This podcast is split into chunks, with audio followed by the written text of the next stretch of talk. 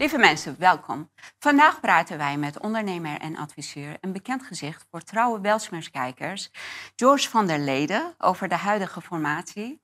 Daarna praten wij met Sylvie Lazet, energetisch therapeut en oprichter van de stichting Bewust Nederland, samen met uh, advocaat Hugo Groen, over hun rechtszaak tegen QR-code. En die loopt al vanaf 2022. Dames en heren, ik ben Shora Vestali en jullie kijken naar een nieuwe aflevering van de Tafel van Vestali.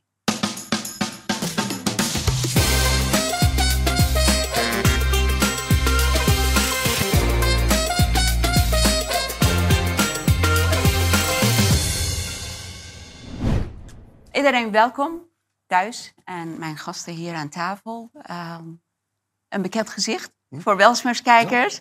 Voor de eerst bij mij aan tafel, George van der Leden. Welkom. Dank u wel. Jullie ook voor de eerst bij ons, uh, Sylvie Lazet, therapeutisch, uh, nee, energetisch therapeut. En oprichter van Stichting Bewust Nederland, samen met uh, advocaat Hugo Groen.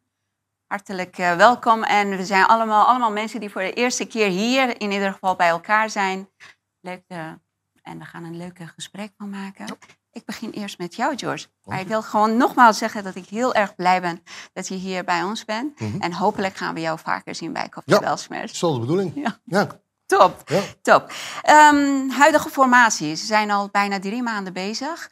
En um, er is nog niets duidelijk. Nee. Zullen we eerst kijken naar een kort fragment? Daarna ben ik heel erg benieuwd wat je daarover wil ons vertellen. Goed idee. Voorzitter, dankjewel. Bijna drie maanden geleden waren er verkiezingen en Nederland heeft dringend een nieuw kabinet nodig. Ons land kent grote problemen en moet bestuurd worden.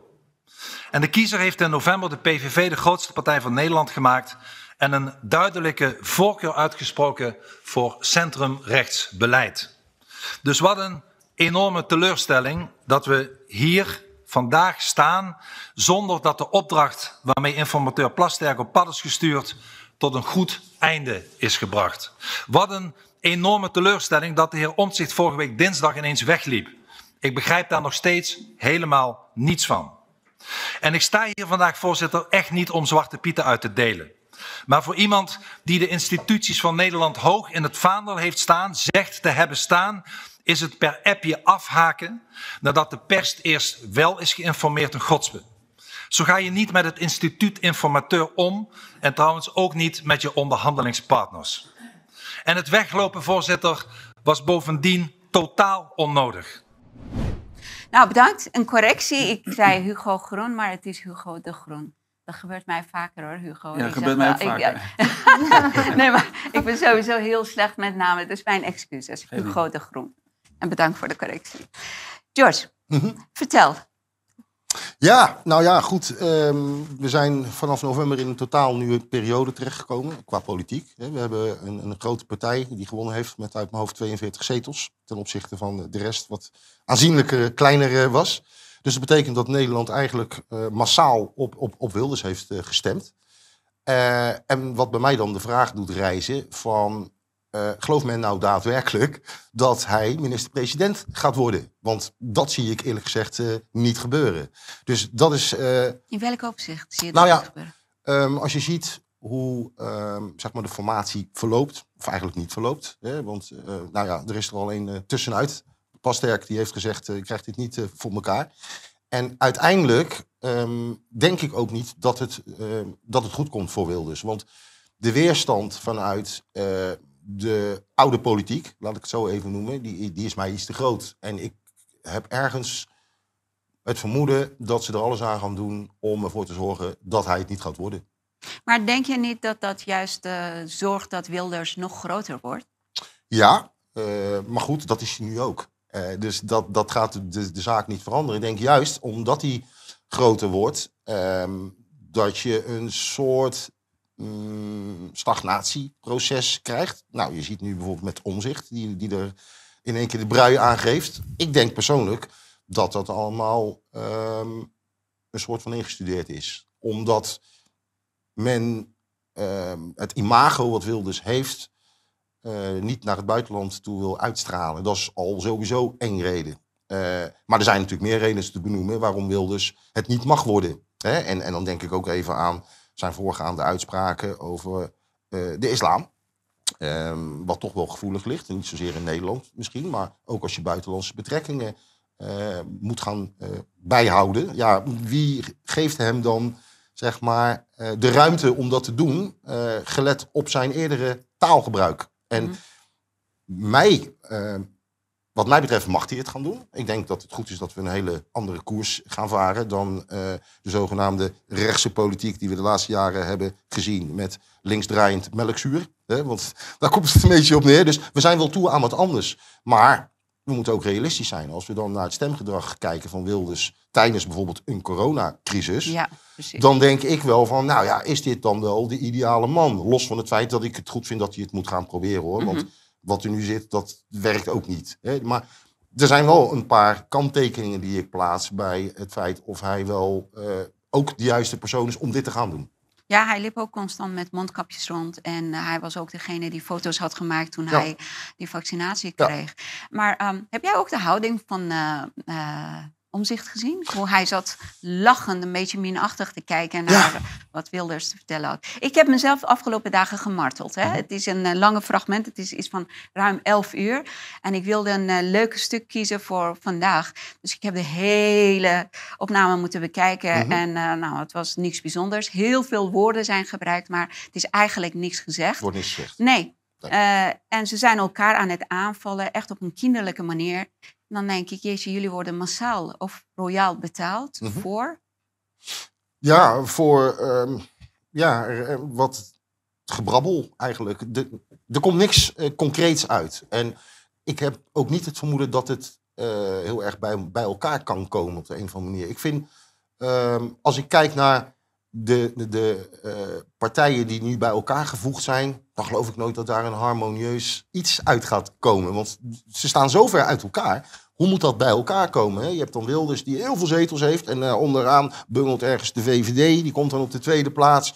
En dan, de ruimtes zijn zo groot qua, ehm, qua kiesgedrag tussen die partijen. Dat het niet anders kan zijn dan dat dat niet harmonieus gaat verlopen. Want de verschillen zijn gewoon te groot.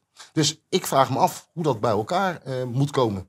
Ik zie ook, eh, kijk, ze vallen Rut, ehm, Wilders constant op, op gewoon zelfde dingen. Hè? Islam en eh, Mhm. weet ik veel, dat hij geen leiderschap heeft. Mhm. En dat hij niks bij elkaar kan brengen. Maar wat mij ook opviel tijdens dat debatformatie, of formatiedebat, hij was constant zichzelf aan het verdedigen. En een leider doet dat nooit. Nee. Een leider neemt stappen, een leider eh, komt in actie. Maar hij was alleen maar zichzelf aan het verdedigen. En dat is, dat is een hele zwakke houding als jij echt als een leider van het land wil gezien worden. Ja. Er is ook een uh, andere fragment Mhm. die ik heel interessant vind. En we kunnen gewoon daarnaar ook kijken. Ja. En dan komen wij daarna weer terug Ja. bij jou. Wat heeft de heer Wilders nou precies gedaan om te zorgen dat de heer Omtzigt voldoende comfort zou voelen om niet van tafel te lopen? Welke concrete stappen heeft hij daarop genomen? Maar mijn vraag is, kan u wel regeren? U kunt u zichzelf niet beheersen. U kunt alleen maar met de vinger anderen wijzen. U kijkt niet naar uzelf. En als u de ambitie heeft dit hele land te vertegenwoordigen, dan denken nu allerlei mensen, nou, als ik eens een keer iets zeg wat hem niet bevalt, word ik ook de grond ingestampt. Zo kun je een land niet leiden, meneer Wilders. Verander dat, want anders ehm, zult u niet erin slagen om mensen aan u te binden. En in dit land van coalities moet je mensen aan je binden als je het land wil regeren. U bent in uw hele politieke carrière nog nooit in staat geweest om andersdenkenden aan u te binden. En als dat niet verandert, zult u niet in staat zijn dit land te regeren. Ja, we zien hier dat uh, iedereen zich zorgen maakt om uh, omzicht. Hm. Of hij niet te hard is aangepakt door Wilders en of iedereen heeft genoeg rekening met hem gehouden. Voor de verkiezing heb ik een filmpje geplaatst op mijn Instagram. Toen zei ik, ik zei nou, ik zie niet in omzicht de ruggengraat die een land nodig heeft om, uh, om gered te worden. Want we moeten gered worden, weet je. Mhm. Het gaat niet goed met het land. En omzicht is heel gevoelig. Omzicht is... Uh, de, en als ik nu zie dat hij is weggelopen, dan denk ik bij mezelf, man, je bent een man, je hebt een verantwoordelijkheid om voor de mensen die op jou hebben gestemd op te komen en zorgen dat alles het meest voordelig voor de burgers afloopt. Maar dan, dan sta je op, ga je weg en dan ga je een appje sturen. Dat, dat, is, uh, dat is toch slachtoffercultuur. En nu probeert iedereen hem in de Kamer beschermen. En ze vallen Wilders aan. Hoe kijk jij ernaar? Nou ja, kijk, ik persoonlijk ehm, denk dat Omzicht een prima eh dossiervreter is. Ja. Hij heeft heel veel kennis in huis. Eh, hij heeft de juiste toon. Ehm, eigenlijk is het een perfecte Hm. politicus hè, om mee te doen op dat Haagse plus. Maar ehm, ook wederom bij Omzicht eh, heb ik naar zijn stemgedrag gekeken. En ook daar valt hij wat mij betreft een beetje door de mand. En kan wel heel humaan zichzelf voordoen. Maar als jij ook voor eh, het buitensluiten, het uitsluiten van mensen bent en daar ook keihard voor stemt, ja, dan heb ik niet echt medelijden met je. Want dat had hij ook niet met die mensen die hij wilde buitensluiten. Dus dat is één. Twee, ehm, heeft hij wel een aantal punten. Eh, kijk, Wilders, we moeten Wilders ook niet heilig verklaren. Hij heeft natuurlijk ook gewoon hele rare uitspraken gedaan vroeger. Hij is ook iemand die dualiteit eh, een duwtje geeft. Hè, door verschillende groepen mensen tegen elkaar uit te spelen.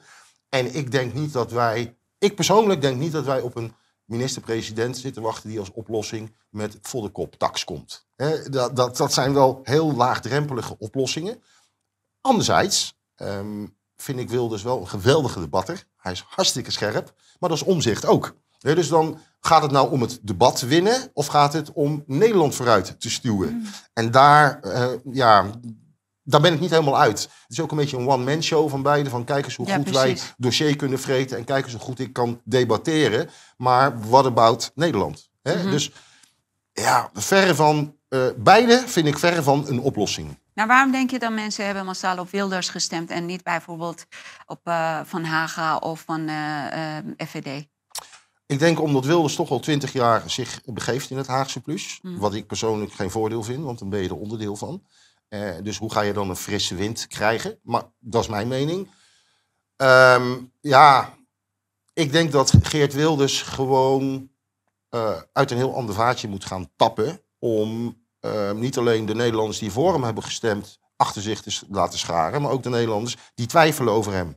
En dat kan hij doen door ehm, die dualiteit uit te stappen. Kijk, er zijn nog een aantal zaken die daar liggen waar Omzicht een probleem mee heeft. Dat is, hij wil nog steeds moskeeën sluiten en dat soort zaken. Dat staat nog steeds in het programma. Dat gebruikt nu Omzicht als een soort excuus van ja, maar daar komen we niet uit, want we staan heel ver van elkaar. Het is allemaal al bekend dat hij dat ging doen. Maar heeft hij het veranderd? Nee. Eh, hij heeft al gezegd dat hij elastisch is en mee wil veren en concessies wil doen, mocht het niet bij elkaar komen om een aantal van zijn partijprogrammapunten te laten vallen. Maar tot op heden is dat volgens mij nog niet officieel gebeurd. Toch? Of misschien heb ik wat gemist. Nee, klopt. Ja. Ik zat ook, nee, dat is niet. Nee, dus eh, ik vind het een hele lastige zaak om ehm, zowel omzicht als Wilders op een neutrale manier te beoordelen. Omdat dat eenvoudigweg niet kan door hun stemgedrag. En ja, daar, volgens mij was Nederland daar een beetje zat van. En die eh, 42 eh, zetels die hij heeft gekregen, ik vraag me af of de mensen nog wel weten, want er zitten ook heel veel vrijheidsstrijders Ja. bij, of zij nog Ja. wel weten wat zijn stemgedrag was toen der tijd. I don't know. Nou, een vrijheidsstrijder die niet weet wat de stemgedrag van de politici is die ze op hen hebben gestemd, dan noemen ze. Ik denk niet dat ze zich echt een echte vrijheidsstrijder kunnen noemen. Nee, maar ze willen toch eh, eh, onder het juk uit van de huidige overheid te veel belasting. Alles is te veel. Mm. Iedereen moet heel veel betalen. Zij hebben hoop in Wilders dat hij dat allemaal gaat veranderen. Ehm, en dat hoop ik natuurlijk ook. Hè. Ik ben net zo Ja. hoopvol als, als de rest van Nederland. Ehm, maar ik zie dat eerlijk gezegd niet vanaf zijn kant gebeuren. Ja, en dan rijst de vraag wel snel, wie dan wel? Ja. Is hij misschien de beste van de slechtste op dit moment? Oh ja, dat is een goeie. Beste van de slechtste. Sylvie, zie jij een minister-president in eh, Wilders?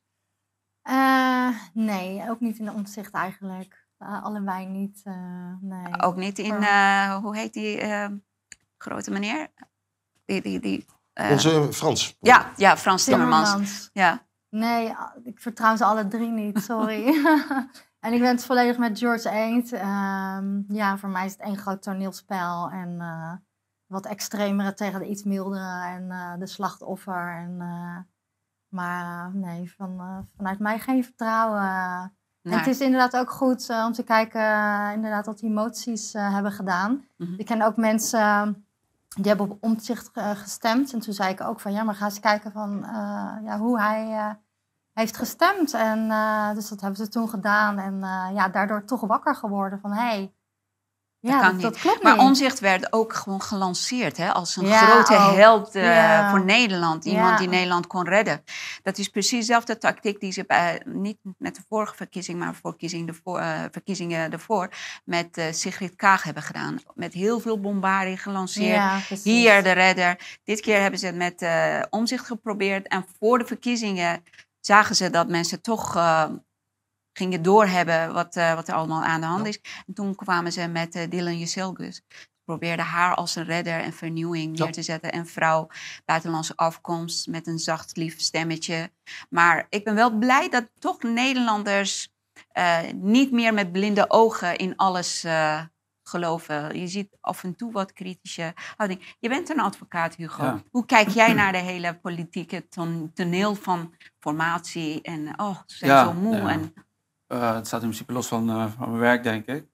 Ehm, maar goed, ja, ik, ehm, ik vind eigenlijk dat Wilders wel premier zou moeten worden. Hij is natuurlijk, eh, de PVV is de grootste partij geworden. En dan is de traditie dat die de premier leveren. En dan, eh, ja, de andere partijen kunnen dan eh, ja, daar moeilijk tegen doen. Maar dat is eigenlijk wel jammer. Maar wat, wat George zegt, hè, eh, door eh, uitspraken die Wilders heeft gedaan in de afgelopen jaren, dan worden contacten met sommige landen heel moeilijk of moeizaam. Hoe moet dat? Hoe Ja. moet Nederland dat doen? Nou, dat, dat snap ik. Ehm, dus het zou echt een, eh, wel een grote eh, eh, verschuiving zijn. Mhm. Ehm, maar dat, ja, dat maakt het niet eh, minder interessant juist. Want die verschuiving zie je ook in andere landen. Dus ook in andere Klopt. Europese landen zie je dat ook. Precies. Misschien, ehm, misschien in de VS straks ook weer Trump. Ehm, dus dus het, ja, er is veel gaande in de wereld. En dan, ja, Nederland doet er dan aan mee. En ook Nederland schuift daarin. En ja, ik zou zeggen, geef hem, geef hem een kans. Ja, dat sowieso. Want Ja. dat is ook meer de, mm, ja, die stemmers hebben gezegd met hun stem. Maar wat je zegt, hè, dat, eh, ik weet niet, moet ik een beetje bang worden of onzeker? Vorige keer dat heel veel gaande was in de wereld, was het jaar dat corona kwam. We hadden Trump, die gele hesjes in eh, Frankrijk. eh, allemaal rechtse partijen werden gekozen tijdens de verkiezingen. En dan ineens was bam, corona. Iedereen moest thuis zitten en niemand mocht niets do- doen. Dit jaar is ook, je ziet ook die onvrede tussen mensen. En mensen stemmen ook heel anders. Ze laten duidelijk zien dat ze iets anders willen met boerenprotesten. Met, eh, vinden jullie dat niet een beetje angstaanjagend of verdacht? Of maken jullie niet zorgen? Jij, George? Mm, nou, nee, ik, ik maak me niet echt zorgen. Wellicht komt er weer, weer wat aan. Maar ik denk niet dat men zich eh, dit zo makkelijk laat gebeuren als de vorige keer. Dat denk ik. Denk je, nou, dat denken wij iedere keer. En dan komen wij waar. iedere keer voor de verrassing Ja. staan. Eh? Ja, nou, kijk, als je economisch wordt getroffen, eh, want dat doen ze. Het, het is, eh, economisch eh, word je getroffen als je niet meespeelt. Dus daar zijn best wel ondernemers natuurlijk wel gevoelig voor. Ja. hè? Maar, Nou, we komen zo meteen op QR-dingen. maar toen deden ondernemers ook braaf mee. Ja. In ieder geval voor 95 procent. Ja. Maar goed, je zaak ging eh, anders eh, op de fles. dus dat is natuurlijk wel het ultieme dwangmiddel wat je dan kunt inzetten. Mm.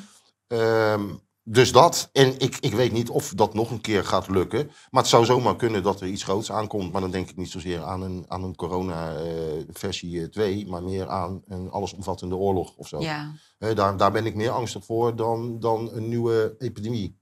Of eh, een pandemie, hoe je het Ja. ook wil noemen. En jij, Sylvie, wat voel jij? Je bent een gevoelig mens, hoogsensitief. Mhm. Voel je iets? Of eh, Eh, wat er gaat komen waar ik bang voor ben? ja, gaat er gewoon dit jaar iets bijzonders gebeuren? Of, eh, Ehm, ik denk het niet. Ik ben wel een beetje bang voor oorlogen ook. En ja. Dat, eh, dat gaat wel gebeuren, denk ik. Ja. ja? Hoe kijk jij naar de situatie van de wereld? Ja. Staat ons een verrassing te wachten? Of Ja, en zo, als je het zo, zoals je het nu brengt, ja, dat ziet er niet goed uit, nee. Dat ben ik het met je eens. Dus we moeten gewoon extra alert blijven en niet Eh, intrappen. je dat sowieso, maar je doet er denk ik weinig aan. Ja, als, als burger, ik bedoel. Juist nu eh, zeggen mensen, ja, we stemmen PVV, want we willen die verandering. Mhm. Ja, en dat kan gevolgen hebben. Ja. Maar dat is dan, ja, ja, daar gaan we dan naartoe. Hè. Dat is dan de ontwikkeling waar we dan naartoe gaan. En misschien moeten we daar doorheen. Eh, Wat is jouw advies naar mensen om, eh, ja, als iets komt dit keer, hoe kunnen mensen dat herkennen? Ehm, ja, ik vind het een lastige. Kijk, eh, Het is duidelijk dat we in een veranderingsfase zitten. Ik denk dat mensen helemaal niks hoeven te doen. We zijn al bezig. Precies. Wij zijn de verandering. En, en het is niet dat er een verandering komt. Wij zitten in de verandering en we zijn onderdeel van, van de verandering. En dat is altijd heel lastig om op het moment dat je in die verandering zit, om te erkennen dat je daar zit. Dat komt meestal achteraf. Ja. Van hé, hey, toen was er een moment, toen is er heel veel verschoven. En op het moment dat je dat beleeft, dan ben je denk ik niet eh, bewust van het feit dat je de verandering op dat moment bent. Ik ehm, denk voornamelijk dat we te maken hebben met. De wereld verandert nu eenmaal. Daar kunnen we van alles van vinden. Je hebt AI, je hebt een meer rechtse opmars van politicus. Ehm, je hebt oorlog, je hebt honger. Al die elementen die zijn er eigenlijk altijd. En het wordt nu heel erg uitvergroot. Maar het is ook gewoon een verandering. ehm, kost eh, schoeipijn, laat ik het daarop Ja, houden. ja, ja. Wij voelen allemaal weerstand, maar het is ook een proces wat we niet kunnen stoppen, hè, zoals hij ook aangeeft. En dan krijg je te maken met groeipijn. Alle veranderingen gaan gepaard met Precies. groeipijn. En dat doet pijn. Iedere geboorte heeft Ja, pijn, hè? het doet pijn. Dus we moeten wennen aan die pijn. En straks dan eh, kunnen we concluderen als die pijn is opgetrokken van we zijn daardoor heen. Dan kunnen we pas terugkijken. Ik denk dat het nu te vroeg is, want we zitten erin. We zitten in dat proces. Mooi. Ja. Mooi. Dankjewel. Ik denk dat wij jouw onderwerp kunnen afronden en Ja. eh, overgaan naar ons volgende onderwerp, Sylvie. Je bent al sinds 2022 eh, bezig met een rechtszaak tegen QR-code. We kijken naar een kort fragment waarom je dat gedaan hebt. Of wat was voor jou de aanleiding om het te doen? En dan is de volgende vraag natuurlijk, waar geldt het coronatoegangsbewijs dan precies vanaf zaterdag 25 september? Het korte antwoord is, bij elk horecabezoek, bij alle festivals en andere evenementen, bij elk theater, concert of bioscoopbezoek en bij alle professionele sportwedstrijden. ambitie is om boven die 90% uit te komen. En daar gaan we alles aan doen. Iedere groep waar de vaccinatiegraad laag is, wordt gericht benaderd. We doen er alles aan om twijfels en alle vragen, alle drempels weg te nemen om een zo hoog mogelijke vaccinatiegraad te bereiken. Oké, vertel ons. Wat was voor jou een motivatie om dat te gaan doen? Ehm, ja, het fragment is even om, eh, om weer op te frissen eh, waar wij eh, doorheen zijn gegaan eh, een paar jaar geleden. Eigenlijk nog eh, zo kort geleden. En eh, mijn motivatie is, ehm, ja, er zijn zulke eh, rechten zijn gewoon geschonden voor mensen.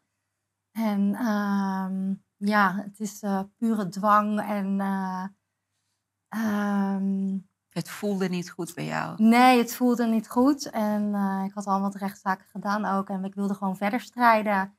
En het is goed om, ja, zoals Matthias de Smet ook zegt, om die tegenbeweging en de tegengas te blijven geven. En eh, niet alles zomaar te laten gebeuren. En daarbij is het eh, zo'n vorm van extreme discriminatie geweest. En dat heb ik zelf ook zo ervaren. En vele mensen met mij, denk ik. En ehm, ja, er is ook helemaal geen bewijs voor, voor het invoeren van die, geen, geen grond om, om die QR in te voeren. Eh, in de conclusie van antwoord staat ook eh, wel honderd keer eh, volgens de, O- de OMT-adviezen, maar die worden gewoon niet onderbouwd. En het doel van de QR-code was het voorkomen van het verspreiden van het virus. En daar is gewoon geen bewijs voor.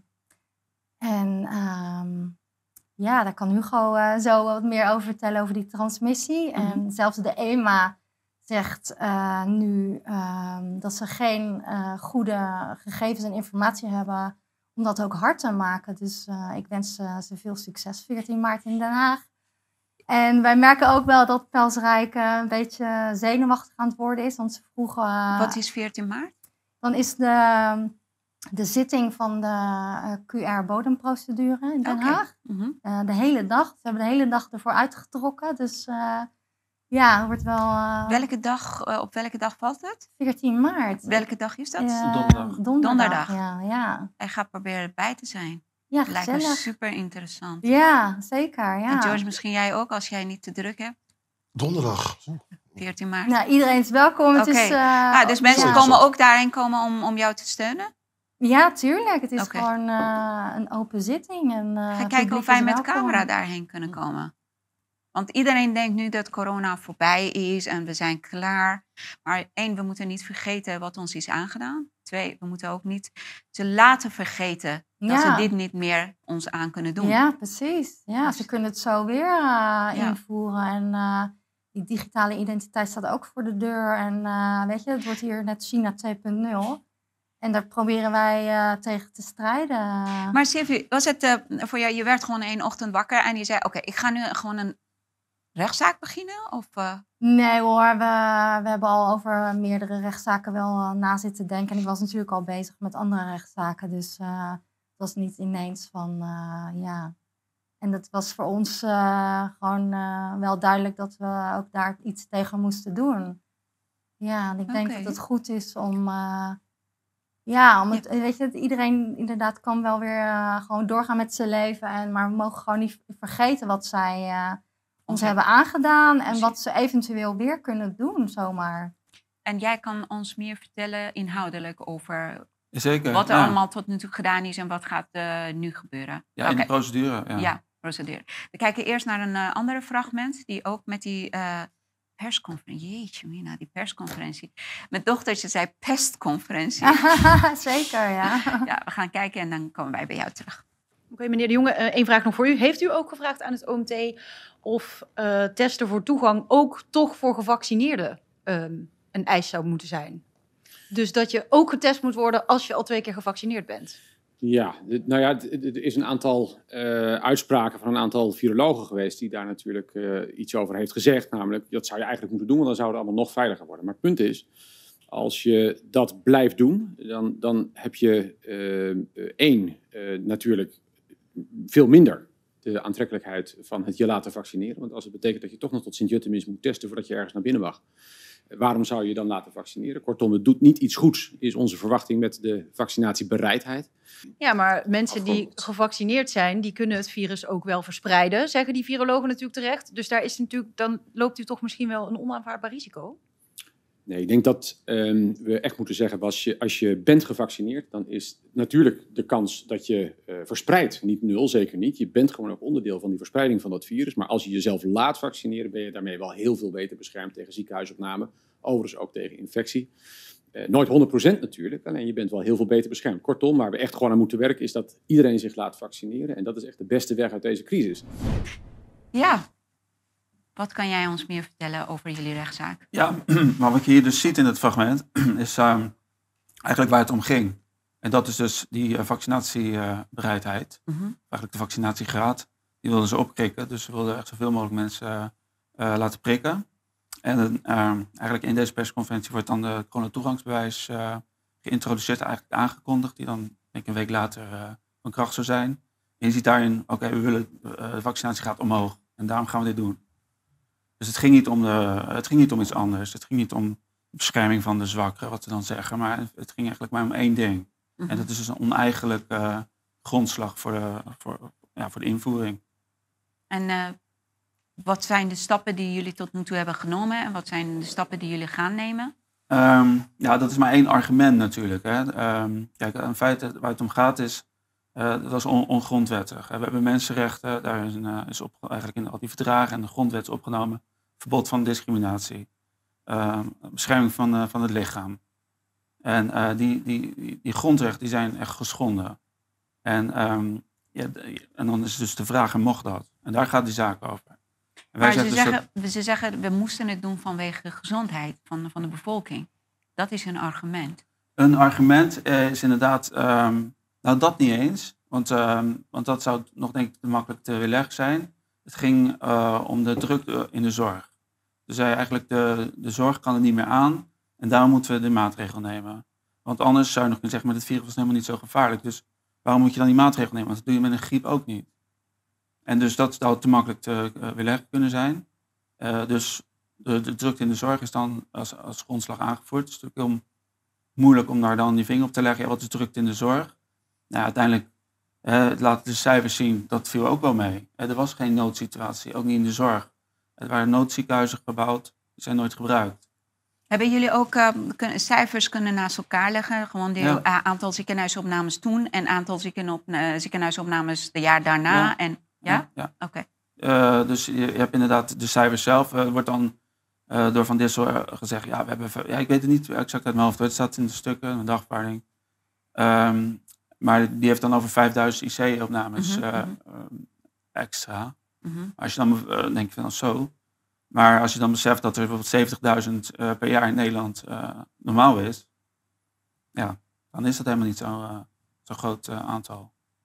Wat voor stappen hebben jullie tot nu toe genomen voor, voor deze rechtszaak? Nou, goed, Wat hebben jullie achter de rug tot nu toe? Nou, in principe dus niet heel veel. Het, ehm, we hebben een dagvaarding gemaakt. We hebben natuurlijk eerst de staat aansprakelijk gesteld, dus de ministers, de ministeries.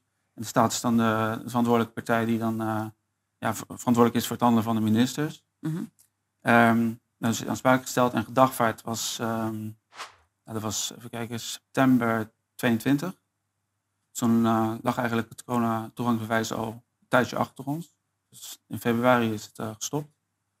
We zijn met de dagvaarding begonnen. Ja, goed, en dan komt de conclusie en antwoord. Hè, dus het verweer van, eh, van de landsadvocaat. Dat was in december. Ja, die heeft dan een extra uitstel gekregen. En daarna heeft de rechtbank gezegd, nou, eh, eh, we leggen het even op de plank. We laten het even een jaartje sudderen. En dus, eh, ja, gewoon letterlijk een jaar geduurd. En nu is er dan een eh, zitting ingepland, eindelijk. Wandeling Zijn jullie de enigen die hier over een rechtszaak zijn begonnen?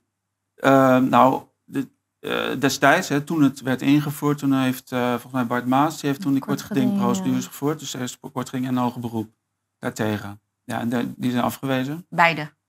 Ja, Gewoon, want anders, anders was het ook niet doorgegaan natuurlijk. Ja, dat was echt, Ja. eh, die waren ook bedoeld om, eh, Die hoger beroep werden ook ja afgewezen. zeker, dus die waren ook bedoeld natuurlijk om, om het tegen te houden. Mhm. Ja, en dat is niet tegengehouden. En de- nu is het eigenlijk achteraf een toetsing, maar het was wel onregelmatig. Hè, Het is een strijd met al die, die rechten die we hebben. De dagvaarding is helemaal uitgewerkt, maar er zijn heel erg veel grondslagen, eh, zelfstandige grondslagen op basis waarvan het onrechtmatig is. Oké. Als jij, eh, krijg jij vragen hierover als je naar Hugo luistert? Hierover, over de rechtszaak en bodemprocedure? Nee, niet echt, want we, want we kennen het allemaal. En ik denk ook dat eh, er zijn zoveel rechtszaken gevoerd eh ten tijde van de coronacrisis door onder andere viruswaarheid. Mhm. ehm, die naar mijn gevoel niet echt dienen om iets op dat moment voor elkaar te krijgen, maar meer als dossiervorming. Mhm. Om te laten zien dat het rechtssysteem op heel veel punten faalt. Hè, en, en dat dat misschien later nog ter sprake komt. Maar het is vooral dossieropbouw, denk ik. En ik weet niet of Hugo eh, dat ook wil laten zien. Mm. Dat, dat de rechtspraak krom is geworden. En, en het is goed dat je dat ergens archiveert. Ehm, nou, ja, misschien is dat wel een bijeffect, Eh, maar ik hoop het niet. Ik, ik, ga, ik ga er wel van uit dat, ehm, dat de rechtspraak wel eh, uiteindelijk eh, dit kan corrigeren. Eh, wat, wat ik ehm, van mening ben, ik bedoel, het heeft het vertrouwen geschaad in de overheid. Hè? Het, eh, wat alles, allemaal is gebeurd. De rechtspraak eh, is eigenlijk ook een middel om dat te corrigeren. Dan te zeggen, nou, hier is de overheid wel, is de staat wel te ver gegaan. Denk je dat ze dat gaan zeggen? Ehm, nou, dat is inderdaad wel wat we, waar we het voor doen. Uiteindelijk, als advocaat kan je natuurlijk alleen de zaak eh, helemaal eh, uitwerken en voorbereiden en voor de rechter neerleggen. De rechter die moet hem uiteindelijk eh, eh, uitspreken. En wij, wij dienen hem aan en we hopen natuurlijk dat dat een rechter is die ja, recht durft te spreken en, eh, en ziet, ja, uiteindelijk, want ik ben wel van mening juridisch gezien, klopt het niet. Het is niet, het is niet goed eh dichtgetimmerd in feite. En het is niet ook ehm, uit te leggen als je kijkt naar de feiten zelf. Naar, de, bijvoorbeeld de besmettelijk, of eigenlijk het tegengaan van besmetting Mhm. Eh, van de vaccins. Dan kan je moeilijk zeggen, ja, we gaan een vaccinpas maken. Een vaccinatiepas maken, wat de coronatoegangsbewijs in feite was. Ja. Ehm, want het helpt dan helemaal niet. Mhm. Maar je hoort het wel zeggen, recht durft te spreken. Durft, eh, dat zou in principe gewoon een basis moeten Mm. zijn. Het heeft niks met lef te maken, het heeft te maken met de letter van de wet. En als dat overeenstemt, dan heeft hij dat gewoon te doen. Of hij nou durft of niet. Precies. En, en daar zit al wat schuring wat mij betreft. Hè? Want we moeten al gaan hopen dat de rechter het ook vindt. Maar hij moet het op de letter van de wet moet hij dat doen. Gebeurt dat? I don't know. Ik heb in het, eh, in de, tijdens de coronacrisis hele aparte eh, rechtsuitspraken gezien. Waarvan ik denk, Precies. nou, dat weet ik niet. En het is niet aan mij om nu het hele rechtssysteem eh, naar beneden te halen. Maar we zijn toch wel met z'n allen eens dat we daar een paar bedenkelijke zaken hebben gezien. Precies, Hè? ja. En dan bedoel ik even als grootste voorbeeld, denk ik, de avondklok. ja. Hè? Die op één dag van de tafel weer werd geveegd. Ja, dan zit ik echt te kijken en denk ik, waar kijken we hier naar? Ja, aan, aan de ene kant wel, maar aan de andere kant is de avondklok natuurlijk juist een voorbeeld dat, eh, dat het aanvankelijk natuurlijk wel de rechter eh, had gezegd, het, eh, dit kan niet. ja, maar dat was gewoon voor twee uurtjes of zo. Ja, Ja, maar toch, hè, dus dat is juist een van de weinige uitspraken die er, Ja. dus de rechter Daar wel heeft op. aangedurfd. Ja, Ik vind het toch, ja, het is toch een spanningsveld denk ik ook voor de rechters, om, om te zeggen, ja, gaan wij, gaan wij afwijken van het voorgeschreven narratief en gaan we echt kijken naar de feiten. En dat, dat vergt denk ik wel iets, iets Mm. meer dan, dan echt recht spreken volgens de letter van, van, de, van de wet. Want je moet dus ook de werkelijkheid ernaast leggen en dan moet je er onder ogen zien. Kijk, nu zijn we ook, komen. de hele situatie is nu zogenaamd achter de rug. Ik denk, toen zeiden eh, rechters, ja, we zitten gewoon in een pandemie. We moeten gewoon echt eh, denken aan het belang van het land. Maar nu kunnen ze dat smoes niet meer maken. Nu moeten ze echt alle feiten en cijfers gaan studeren. En naar aanleiding daarvan, een goede rechter, daar moet gewoon een uitspraak over doen, denk ik. Zeker, de, eh, ja, het ligt nu achter ons. De rook is opgetrokken. En dus hoop ik ook dat de re- rechters er met- wat meer afstand naar kunnen kijken. En dat het meer kritisch eh, ook naar het recht echt. En als je dus het recht zelf beschouwt, dus die verdragen, die, ja, die kan je niet zomaar opzij zetten. En eh, ja, uiteindelijk de proportionaliteit gaat dan echt een hele grote rol spelen. En dan moet je ook wel kijken van, ja, wat, wat, wat was nou echt het virus? En wat waren nou echt die vaccins? En waren die, hè, die waren dus ook niet veilig bijvoorbeeld. Die waren dus niet helemaal eh, definitief getest. Net op de markt, waren nieuwe producten. Waar dat aan de bevolking opdringen.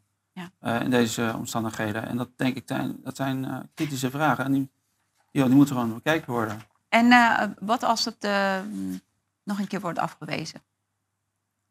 Nou, het is, het is eh, in principe nog niet beoordeeld. Dus Maar wat als, als, het dit keer, als jullie het dit keer ook verliezen? ja, Wat hebben jullie een vervolgplan of een, Nou ja. volgende stap die jullie gaan nemen? Ja, dan moet, dan moet ik even naar, uh, naar Sylvie kijken. Uh, want het is uiteindelijk haar stichting uh, ja, die, die het financiert. Dus, uh, hoe, hoe kom je aan het geld? Hoe financier je de, deze zaak? Ja, crowdfunding. Ja, ik ben altijd uh, supergoed gesteund door mensen in mijn zaken en in wat ik doe. En, en het is volledig transparant, staat op de website, staan alle uitgaven. En ja, mensen vinden het toch blijkbaar belangrijk dat ik, uh, dat ik dit doe. Tuurlijk. En uh, ik ga gewoon door, dus waarschijnlijk hoger beroep. Ga je gewoon tot Wij je het gevoel hebt, oké, nu is het gewoon recht uitgesproken. Zeker, ja, desnoods naar het hof. Ja. Oké. nou, ja, dat Europees Hof dan. eh, Ja. Dat zou in principe ook ja. eh, logisch zijn, want het gaat om uh, mensenrechten. Dus natuurlijk, uh, ja. Europees Hof van de Rechten van de Mens Ja. is dan ook wel een, een logische uh, nou ja, instantie om uit te komen. Ja, dat Ja, over cassatie. Het is nogal een Ja. klus. spannend. Ja. Ja, ik vind dat heel spannend. En eh, Ja. ik hoop dat wij dit keer gewoon echt gaan juichen van vreugde. Yes, recht wordt uitgesproken. En, eh, Ja. heb jij nog iets anders die jij eh, met ons wilt delen hierover? Zijn er manieren dat mensen jullie kunnen helpen? Eh, waar moeten mensen heen naartoe als ze meer hierover willen weten? Ehm, ja, via www.bewustnederland.nu eh, hou ik eh, mensen op de hoogte. En via Facebook Bewust Nederland. En ja, donaties zijn welkom. Dan kunnen wij gewoon verder met wat wij doen. En eh, misschien kan er een linkje geplaatst worden onder de video. Van, van jullie website? Ja, ja, tuurlijk. Dan gaan wij zeker... donaties. ja. En ja, zolang mensen mij steunen, ga ik gewoon door. Mooi. Ja, Ja, dus en, eh, op de website staan ook de, de dagvaarding en de conclusie Ja. en antwoord gepubliceerd. Die zijn helemaal na te lezen. Ik heb ze hier, eh, ja, dat helemaal uitgewerkt en eh, na te lezen wat, eh, ja, wat de Worden jullie ook vordering is. gesteund door anderen eh, in het verzet? Oh ja, of, eh, zeker. Ja. Ehm, Willem Engel eh, helpt ons en nog wat juristen ook. eh. Ja, ehm, eh, Amira Lotfi en Maria Louise en Hanno Wisse. ook, Maria eh, Louise... Ja. Ja. eh, wat is haar? Ja. Ja, nee, Ja. oké. ja. Ja. Oké, ja, die zijn gewoon allemaal diehard uh, ja, strijders. die hebben ons eh, continu ondersteund en die zijn ook aanwezig eh 14 maart. Oh, wat Dus, leuk. eh, Oké. Ja, Willem Engel heeft ons ook eh, heel goed geholpen, heel fijn. En eh, Fijn. ja, het is echt een mooi team. Ja. Nou, Ja, heel veel ja, succes. zeker. Ja, We heb zijn- jij... Ja? Nee, we zijn niet alleen en dat is ook wel heel fijn om ja, te ervaren. Ja. Nee, we zijn sowieso niet alleen. Hè? We hebben elkaar. En dat is een mooie van corona. Hè? We hebben elkaar gevonden. ja, absoluut. Serieus, er zijn- Ja. Er zijn heel veel nare dingen gebeurd, maar er zijn ook gewoon mooie dingen gebeurd. Dank jullie wel. We gaan nu naar eh, kijkersvragen. We hebben een aparte manier eh, moeten bedenken om aan onze kijkers vragen te kunnen komen. Maar dat heeft allemaal met de interne zaken die nu gaande zijn te maken. Eerste kijkersvraag is voor jou, George. Eh, vraag van Edmond. Die zegt, wat, eh, wat leuk om je weer te zien, George. Ga je ook interviews doen bij Welsmers, net als vroeger? Ja, dat is een leuke vraag inderdaad. Oh, wat ben ik Eh, blij. maar dat, dat, dat nu gaan we staat doen. op camera, hè? staat ja, op beeld. Ja, ja, nee, je komt er eh, niet meer onderuit. Maar inderdaad, dat is, dat is wel de planning. eh. Ah, top, Ja. top. Ik ben ook heel erg blij. Vraag van eh, Lalle en Sylvie. Wat voor nut heeft dit?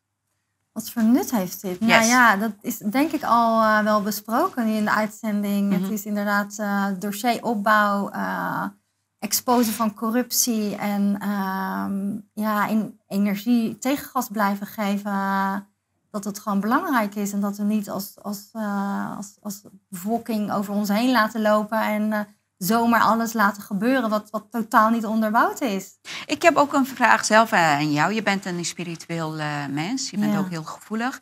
Ehm, je hoort ook heel veel mensen in het spirituele circuit zeggen... ja, maar je moet terugkeren naar binnen. Je moet niks doen, want als je verzet toont... dan voed je eh, die beweging. Ja. Wat, hoe kijk jij daar naartoe? Ik ben daar helemaal niet mee eens, maar ik ben benieuwd wat jij, hoe jij er naar kijkt. Hoe ik er naar kijk, ehm, sowieso naar binnen gaan. En eh, hard aan jezelf werken eh, vind ik ook belangrijk. Om je, ja, je eigen frequentie te verhogen. Om, eh, meer in je kracht te komen te staan eigenlijk.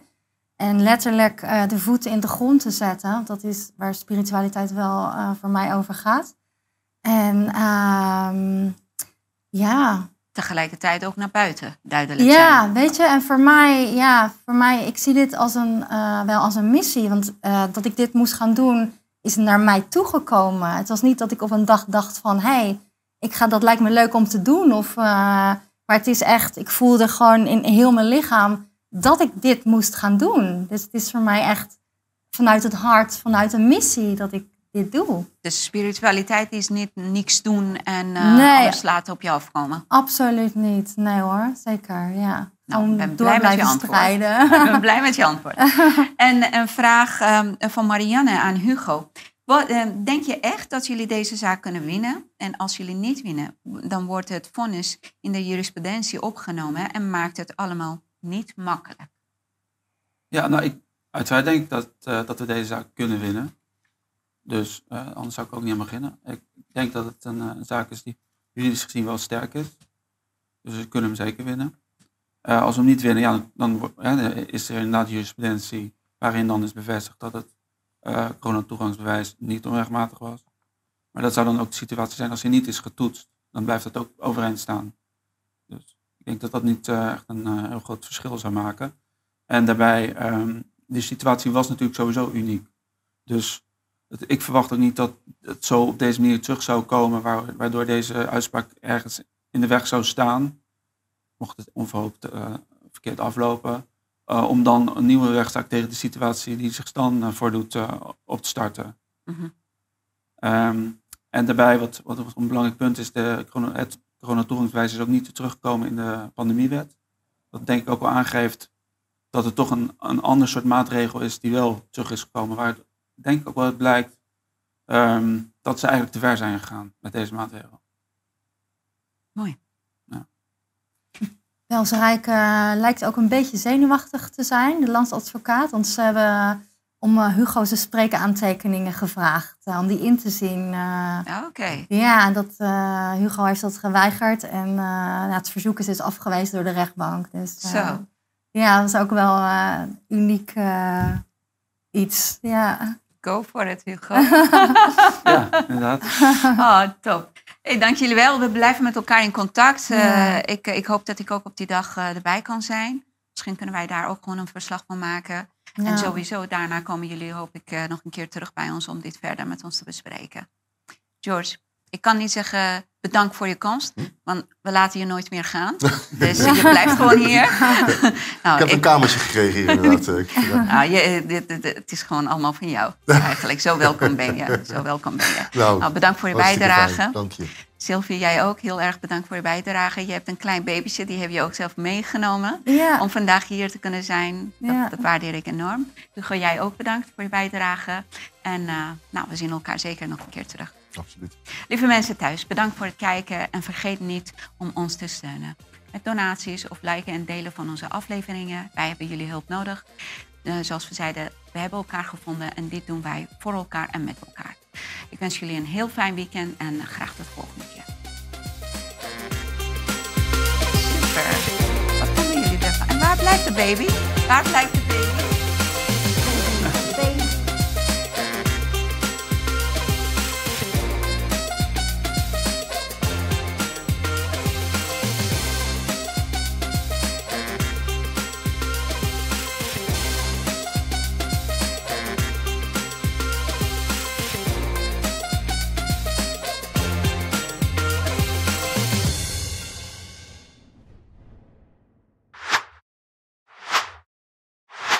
Wilt u deze mooie studio huren?